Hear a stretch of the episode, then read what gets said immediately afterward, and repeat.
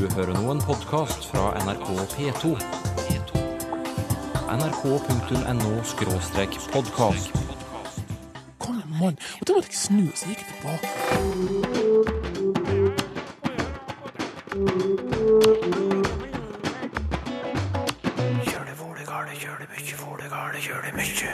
Når språk forandrer seg, blir det noen ganger enklere, som i Bergen.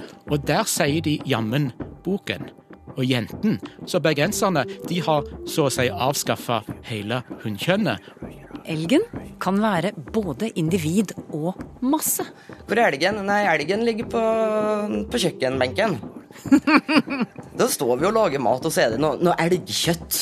Og premie, det er ikke alltid noe du får. Det er jo mye hyggeligere for folk å betale en premie enn å betale en avgift. Å skille mellom hun og henne, det er det ikke alle som gjør lenger. Det har skjedd en språkendring. Noen bruker bare hun. De har med andre ord gjort pronomensystemet sitt litt enklere. Men når språk endrer seg, betyr det alltid en forenkling, eller kan det tenkes at noen språk faktisk blir mer komplekse enn før? Dette spørsmålet skal du hjelpe oss med å belyse, språkforsker Jan Christian Hognestad, både i dag og neste gang. Er du enig i at i norsk skjer det endringer som gjør språket enklere? Ja, det må jeg uten videre være enig i. Eh, og Jeg kan jo ta et eksempel, og da kan vi gå ifra pronomen, som du brukte i stad, og til substantiv. Ja. Eh, I norsk så har det lenge, eller så var det lenge sånn, at hunnkjønnssubstantiv hadde to måter å bli bøyd på. For eksempel så kunne en si ei bok boge i bestemt form, men ei jente jenta i bestemt form. Altså boge og jenta. Og da er det klart at eh, hvis det systemet der endrer seg sånn som vi i dag kjenner fra mange dialekter, og faktisk òg fra bokmål og nynorsk, at det f.eks. heter boka og jenta, med samme endelse i begge de ordene, ja, så har jo systemet faktisk blitt litt enklere. Grammatikken har mista en kategori som man hadde. Men, men betyr det at en språkendring alltid fører til forenkling? Nei, så enkelt er det faktisk ikke. Eh, og eh, eksempler som ofte brukes eh, for å illustrere språkendring, går i en litt annen retning enn det jeg sa nå. Jeg kan ta et sånt eksempel som mange vil kjenne igjen fra eh, ting de har lært på skolen, kanskje.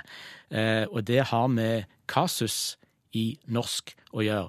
Tenk deg en setning som eh, eksempel eh, 'Snekkeren har sendt rørleggeren en regning'. Ja. Da må språket på en eller annen måte fortelle oss hvem det er som sender, og hvem det er som mottar. For begge disse kategoriene folk driver jo og sender regninger rundt forbi, ikke sant? Skal jeg love? Ja. eh, og i eh, eldre tid så hadde både norsk og i dag mange andre språk et system av det vi kan kalle merkelapper, som vi satte på disse ordene for å finne hvem som sendte, og hvem som mottok. Og det er da det vi kaller kasus. Ja. I norsk så forsvant dette merkelappsystemet etter hvert, stort sett. Men det var farlig. For hvordan skulle en da finne ut hvem som gjorde hva? Eh, og da har faktisk andre mekanismer i språket, så å si, overtatt. Eh, hvis jeg altså sier 'snekkeren har sendt rørleggeren en regning', så kan du se på posisjonen av de to elementene, hvem som sendte og hvem som mottok. Eh, eller jeg kan si at snekkeren sendte en regning til rørleggeren. Og da er det preposisjonen til, eller til, eh, som viser det samme. Så da har i grunnen ikke grammatikken totalt sett blitt enklere, men eh, kompleksiteten har rett og slett blitt overført til et annet sted i grammatikken. Ja. Det var et eksempel på at en språkendring ikke fører til at språket blir enklere. Men hvilket grunnlag har forskerne for å påstå at selv om et språk endrer seg, vil det alltid være like komplekst som før? Eh, vet du, det er faktisk et veldig godt spørsmål, og der tror jeg at språkvitenskapen har et lite behov for å gå litt i seg sjøl. Eh, fordi det har vært et budskap som en gjerne har villet få fram, eh, nemlig at alle språk er like gode. Det fins ikke noe sånn som et primitivt språk, eh, og heller ikke selvfølgelig avanserte og sofistikerte språk. Og for all del, det er jo et synspunkt som jeg er veldig, veldig enig i.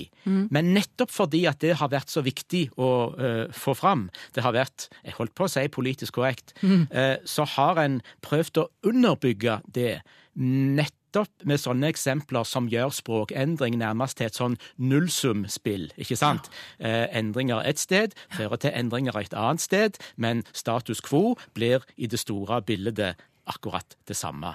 Og det, jeg er ikke sikker på om det er sånn. Nei, hva mener du?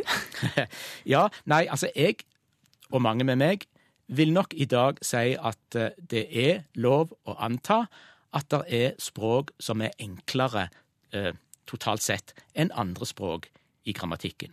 Og da kunne jeg, for ikke å bli beskyldt for å operere med, med nær sagt primitive og avanserte språk, så kan vi jo vise til et av de språkene som få vil regne som primitivt, nemlig engelsk. Ja. Verdensspråket engelsk. Ja. På 1800-tallet så var det mange språkforskere som så ned på engelsk. Fordi engelsk hadde mista så mye grammatikk. Så mye av den grammatikken som eh, mange andre gode, gamle språk i Europa hadde, har forsvunnet ut av engelsken. Så engelsk er faktisk et eksempel på et språk som på mange måter reelt sett har blitt enklere.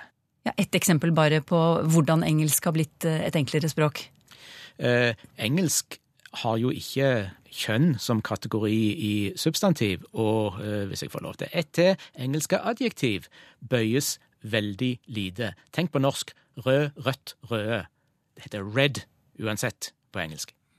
Ja, du nevner norsk. Eh, Har du et eksempel fra norsk også, kanskje, på eh, forenkling? Ja, egentlig eh, så kan vi vel bli værende i det eksempelet jeg brukte i stad, med substantivbøying. Og da har jeg lyst å, å ta deg med på en rask tur i min landsdel, nemlig på Vestlandet. Ja. Fra by til by, og da skal vi innom tre byer. Egersund, Stavanger og Bergen. Ja. Og i Egersund der har de ennå det gamle, og det er jo flott, det gamle middelalderske systemet, hadde jeg nær sagt. Der sier de boge og jenta. I Stavanger sier de boga og jenta, altså med samme endelse i begge to, så der har systemet blitt litt enklere. Så reiser vi til slutt til Bergen, og der sier de jammen boken og jenten, og da er det ikke nok med at endelsene er de samme i begge de ordene, men det er faktisk samme endelse som det òg er i hannkjønn. Så bergenserne de har gått enda lenger i forenkling. De har så å si avskaffa hele hunnkjønnet og sitter igjen med to kjønn istedenfor tre. Og, og ikke noen i ingen av disse eksemplene dine så har det skjedd noe annet for å kompensere for dette her i, i grammatikken. Nettopp. De forenklingene har skjedd, og en kan nesten si at eh, de har fått lov å skje, fordi språket på de stedene klarer seg aldeles utmerket med den nye situasjonen som har oppstått. Altså reell forenkling. Ja. Og så har de bare to kjønn i Bergen, som du sa. Så jeg tenker hvis du skal slå deg ned i Norge og lære norsk, så er det kanskje en fordel å, å bo i Bergen, da, for da har du bare to og ikke tre kjønn å holde styr på. Ja. Det kan jo være bra med forenkling, mener jeg. Absolutt. Eh, og, og når det gjelder substantivbøying, så er Bergen et, eh, et meget anbefalelsesverdig sted å, å, å reise til. Og faktisk så, hvis vi skulle ha et sånn et eh, kanskje ikke veldig vitenskapelig kriterium på eh, eh, enkelhet i språk, så måtte jo det nettopp være om et gitt språk, eller en gitt variant av et språk, er lett å lære. Eh, uavhengig av morsmålsbakgrunn. Så, så der, der, det har du helt rett i. Og kanskje i samme åndedrag jeg kunne få eh, lov å nevne en kanskje litt kontroversiell uttalelse fra en eh, britisk språkforsker, eh, som sier at, eh, at det er mange språk i verden som har altfor mye grammatikk, i den forstand at i forhold til det en trenger for å gjøre alle de nødvendige tingene, så er faktisk mange språk, går det an å si, unødig komplekse. Ja, kanskje er det slik. Språkforsker Jan Christian Hognestad ved Universitetet i Stavanger er på plass igjen i neste sending. Da får du høre at språkendringer ikke nødvendigvis fører til forenkling. De kan også gjøre språket mer komplekst.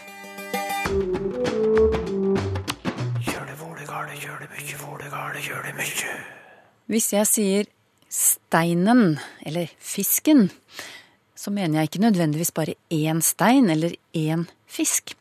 Et substantiv som står i entall, kan også vise til en mengde. For eksempel. Steinen kjøres dit i store lastebiler og tømmes. Ja, lytter Kari Bakke synes dette er et interessant fenomen, og hun vil at Språkteigen skal kommentere det. Steineksempelet, det var hennes, og her er et par til. Fisken hentes opp av havet ved hjelp av trål. Myggen er plagsom i år. Språkforsker Madeleine Halmøy at fisken, myggen, steinen osv. kan vise til flere. Hva er det for slags fenomen? Nei, det er grammatikk. Det er språket i, i bruk. Mm, Du sa at et substantiv i entall kan vise til flere, men det er viktig å poengtere at alle eksemplene har eh, substantiv i entall eh, bestemt form. Ja, Så det må være bestemt form. Ja. Og vi kan jo se litt på den forma. Substantiv det, det bruker vi til å, til å referere, sier vi. Til å vise til forekomst av et eller annet. Og når vi da bruker bestemt form av substantivet, så indikerer vi at tilhører kan identifisere eller plukke ut for seg sjøl i hodet sitt hvilken forekomst taleren viser eller refererer til. da. Så det, det er litt opp til meg å tolke det du sier, med andre ord? altså? Ja, og det er det bestemt form gjør. Sier liksom du kan identifisere denne eh, referenten. Og så har vi entall, og det indikerer jo da at det skal være én forekomst. Men så er det sånn at den her identifiserbare forekomsten den trenger ikke nødvendigvis å bestå av ett enkelt eksemplar. Vi kan òg se på det som en én forekomst bestående av flere eksemplarer. Altså som en mengde sett som en slags enhet. Ja. Det var det vi hadde i det steineksempelet. ikke sant? Ja. Så istedenfor å se på eksemplaret, så ser vi på, på, en, på en mengde som en enhet. Men, men om jeg sier steinen ble kjørt dit i store lastebiler, eller steinene ble kjørt dit i store lastebiler, hva er forskjellen? Ja Nå er jeg sikker på at både du og lytterne hører det like godt som meg, sånn, sånn intuitivt, men det er jo ganske er litt vanskelig å forklare med, med ord. Men når vi sier steinene flertall i den sammenhengen her, så legger vi vel mer mekt på, på de enkelte steinene. Ja, Vi ser for oss mange enkeltsteiner på dette Ja. eh, lasteplanet, da. Nemlig. Og, og, og når vi, men hvis vi bruker entall i den situasjonen her, så, så abstraherer vi på en måte opp, opp fra det. De her enkelteksemplarene blir litt irrelevant. Vi ser det som en enhet. Det er litt altså som vi ser eh, skog og ikke trær. Ja. For å parafrasere et uh, uttrykk litt omvendt. Ja. Så altså, et substantiv i bestemt form entall kan uttrykke både en enkeltenhet da, og en mengde. Men hva er det som avgjør om det uttrykker det ene eller det andre? Ja, altså Det er jo språkbrukeren, eh, som, eller taleren, da, som, eh, som avgjør det. Den vet jo selvfølgelig eh, hva den uttrykker. Men for lytterens forståelse eller tolkning av det her språkuttrykket, så er det konteksten eller sammenhengen ja. som avgjør. Og den sammenhengen den kan være rent språklig, eller den kan bero på, på samtalesituasjonen og vår viten om verden. Og egentlig alltid en, en blanding, da. Ja, kan du ikke gi noen eksempler? Ja, nei, men for eksempel i steineksempelet, som vi her får høre ut av det blå, eh, uten noe sammenheng rundt det, så, så er flertallsforma på redskapsadverbialet, altså i store lastebiler, litt avgjørende for at vi nødvendigvis tolker det som, som flertall.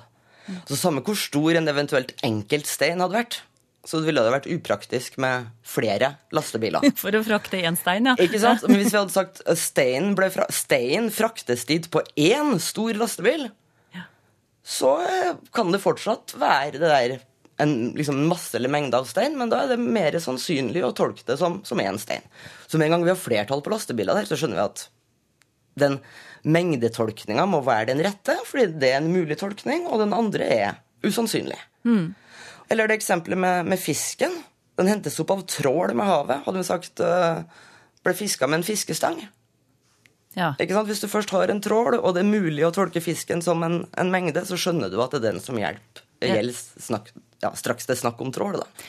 Er det slik med alle substantiver at når de står i bestemt form entall, så kan de både uttrykke noe generelt, altså en mengde, og noe spesifikt, en enhet, alt etter sammenhengen det er satt i?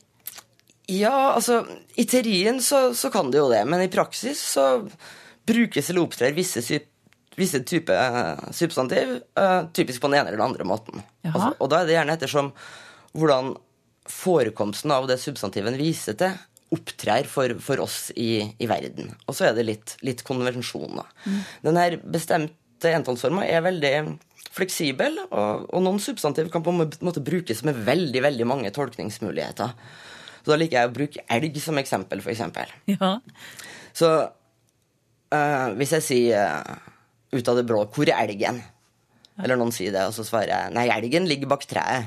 Ja. Da ser du for deg en, en elg. Ja, en en, elg. en enkelt elg, hel og fin. Hvis jeg sier 'Nei, elgen ligger på Hvor er elgen?' 'Nei, elgen ligger på, på kjøkkenbenken'.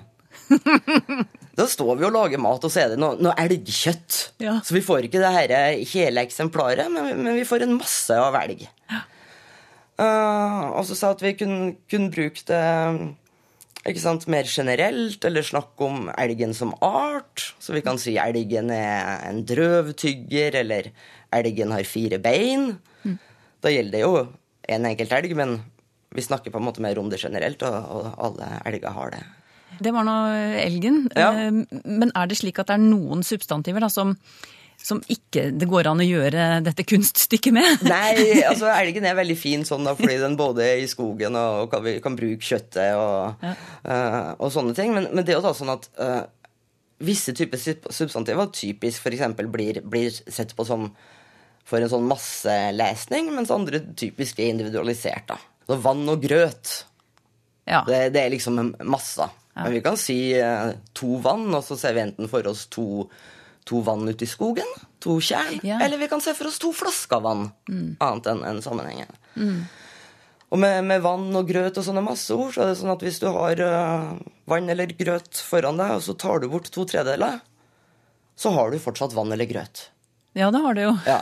Men hvis du har eksempel sykkel foran deg, og så tar du bort to tredjedeler, så har du ikke sykkel. Eh, Da har du i hvert fall en ubrukelig sykkel. ja, så den blir liksom typisk eh, individualisert. Da. Og, og spørsmålet her i dag var jo ikke på det her med masse mellom individualiserte, men det her på hva vi kunne på en måte se på som flertall uten å bry oss om individene.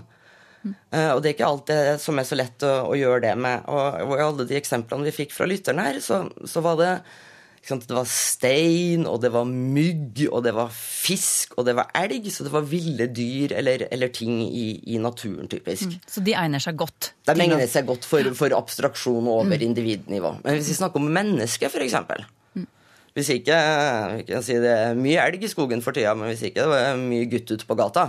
Nei. Takk skal du ha, Madeleine Halmøy, språkforsker ved Universitetet i Tromsø. Blir kveld, og så blir det morgenkveld, og så blir det enda en kveld hvis ikke jeg blir klein. Så var det oss da, Sylfes Lomheim, og flere lytterspørsmål.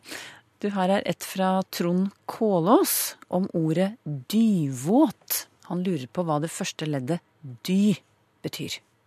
Nei, det er et veldig sjeldent ord, men vi, vi, vi finner det i ordlista, og dy er et ord som betyr søle, myr eller dike. Antagelig er det også språklig slekt med ordet dikje. Så det er forklaringa på at eh, vi bruker ordet dyvåt, da du er veldig våt. Ingvar Hagelund har fundert litt over ord som begynner med U. De fleste ord med forstavelse U er ganske enkelte motsatt av ordet uten forstavelsen, sier han. Eksempler kan være fint, ufint, nyttig, unyttig osv.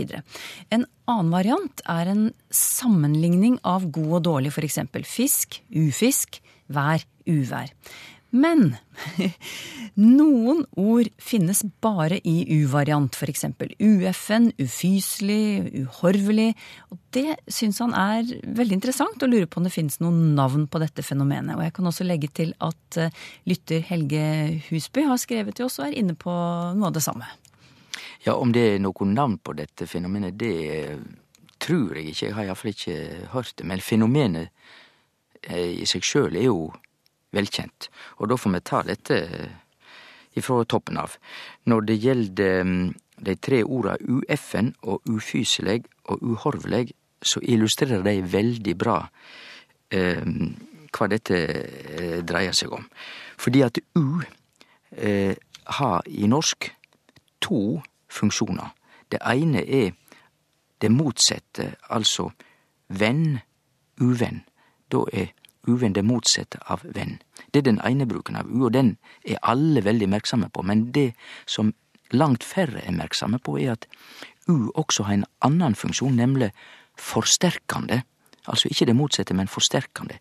Et udyr er ikke det motsette av dyr, for da er det jo menneske. Nei, det er et voldsomt dyr. Og er det ufisk, så er det ikke bare fisk, men det er egentlig en dårlig fisk, og så videre og så videre. Det er de to funksjonene. Og så lurer jo eh, en par av eh, lytterne våre på om det, det er slik at vi har ord som begynner med U, og som da ikke har hatt et utgangspunkt, altså det motsette av U. Og det må vi si nei til. Det som derimot har skjedd, er at utgangspunktet, for eksempel UFN, der har FN i norsk forsvunnet, men det har funnest. Det finst framleis i engelsk, fordi at FN på norsk der er det samme som IFEN. altså nå uttalte det nesten med F, IFEN, men IVEN på engelsk. Og IVEN betyr jamn eller glatt eller grei, slik at uneven på engelsk betyr noe som ikke er så greit, som ikke er glatt og fint, og når noe er ueffent på norsk, så er det heller ikke bra, og derfor sier vi dette er ikke ueffent, da er det faktisk ganske bra. Og ufyseleg, men altså FN på norsk har forsvunnet. Ufyseleg, nei, fyseleg har ikkje forsvunnet, me har det i en del andre ord. Fysemat i nokre dialekter betyr mat du har lyst på, og å fyse som verb finst også i dialektene. Det betyr å ha lyst på, slik at ufyseleg tyder noe som du ikke kan tenke deg, det er ekkelt, og det er ikke tvil om at ufyseleg er veldig kjent, medan fyseleg, altså å fyse eller fysemat, er mykje mindre kjent. Men der har ikke ordet forsvunnet, det er bare lite brukt. Camilla Tveiten spør hvor kommer ordet lanken, som opp med lanken, fra? Hun vet eh, det betyr hånd eller arm, men hva er opphavet? Ja, for det første så er jo dette typisk eh, barnespråk, eller iallfall språk mellom voksne og barn. Puse lanken og opp med lanken. Ordet er ikke norsk, vi har det fra lågtysk, der lank tyder bein eller fot. Ole Halvard Ljosland lurer på hvorfor vi betaler premie til forsikringsselskapene. Normalt eh, oppfatter han premie som en belønning for noe man har prestert, men i dette tilfellet er det synonymt med innbetaling eller avgift. Og så fortsetter han, vi betaler aldri strømpremie eller eiendomspremie.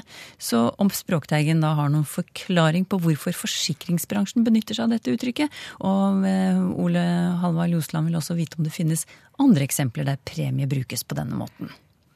Eh, Nei, det veit jeg ikke om at premie blir brukt om innbetaling i andre sammenhenger, men forklaringa er nok for å og jeg er ikke ufin når jeg sier det, men det er jo mye hyggeligere for folk å betale en premie enn å betale ei avgift, så at forsikringsselskapa bruker ordet premie, henger vel sammen med at forsikringsselskapa prøver å gjøre det hyggeleg, litt hyggeligere, når de faktisk håver inn penger.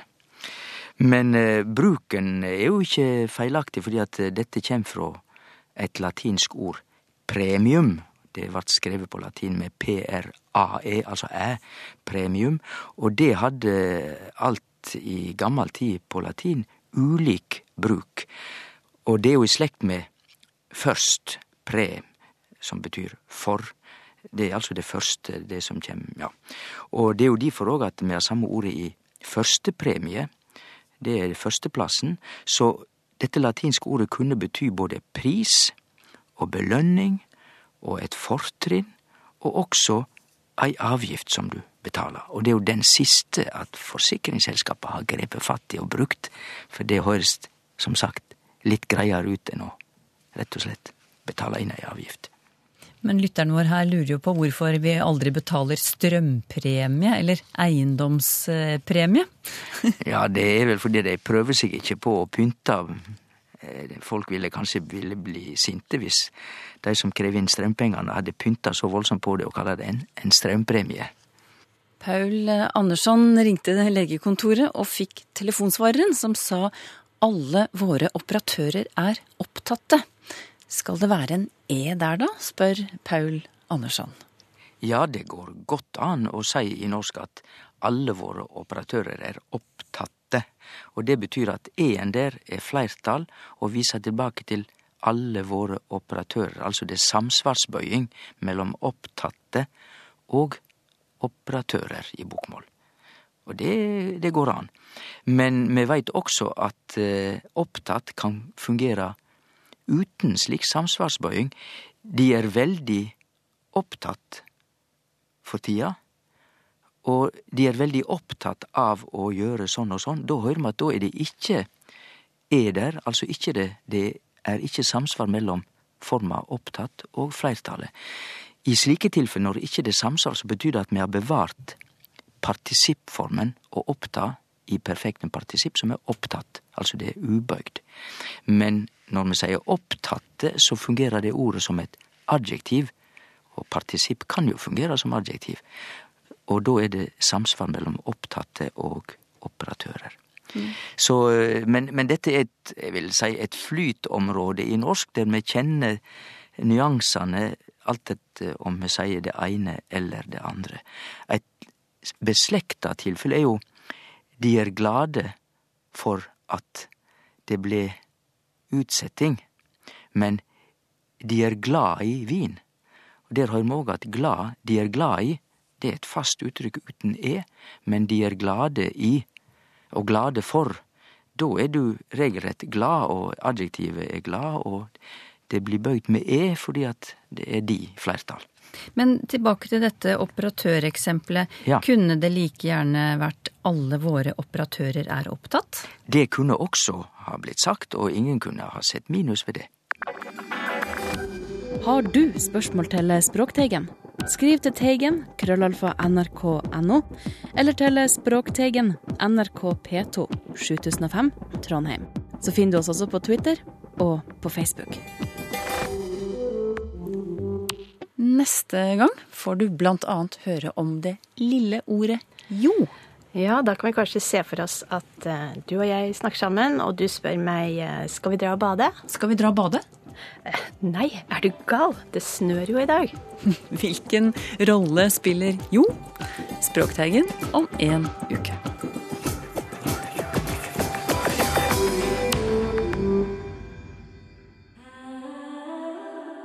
nrk.no podkast.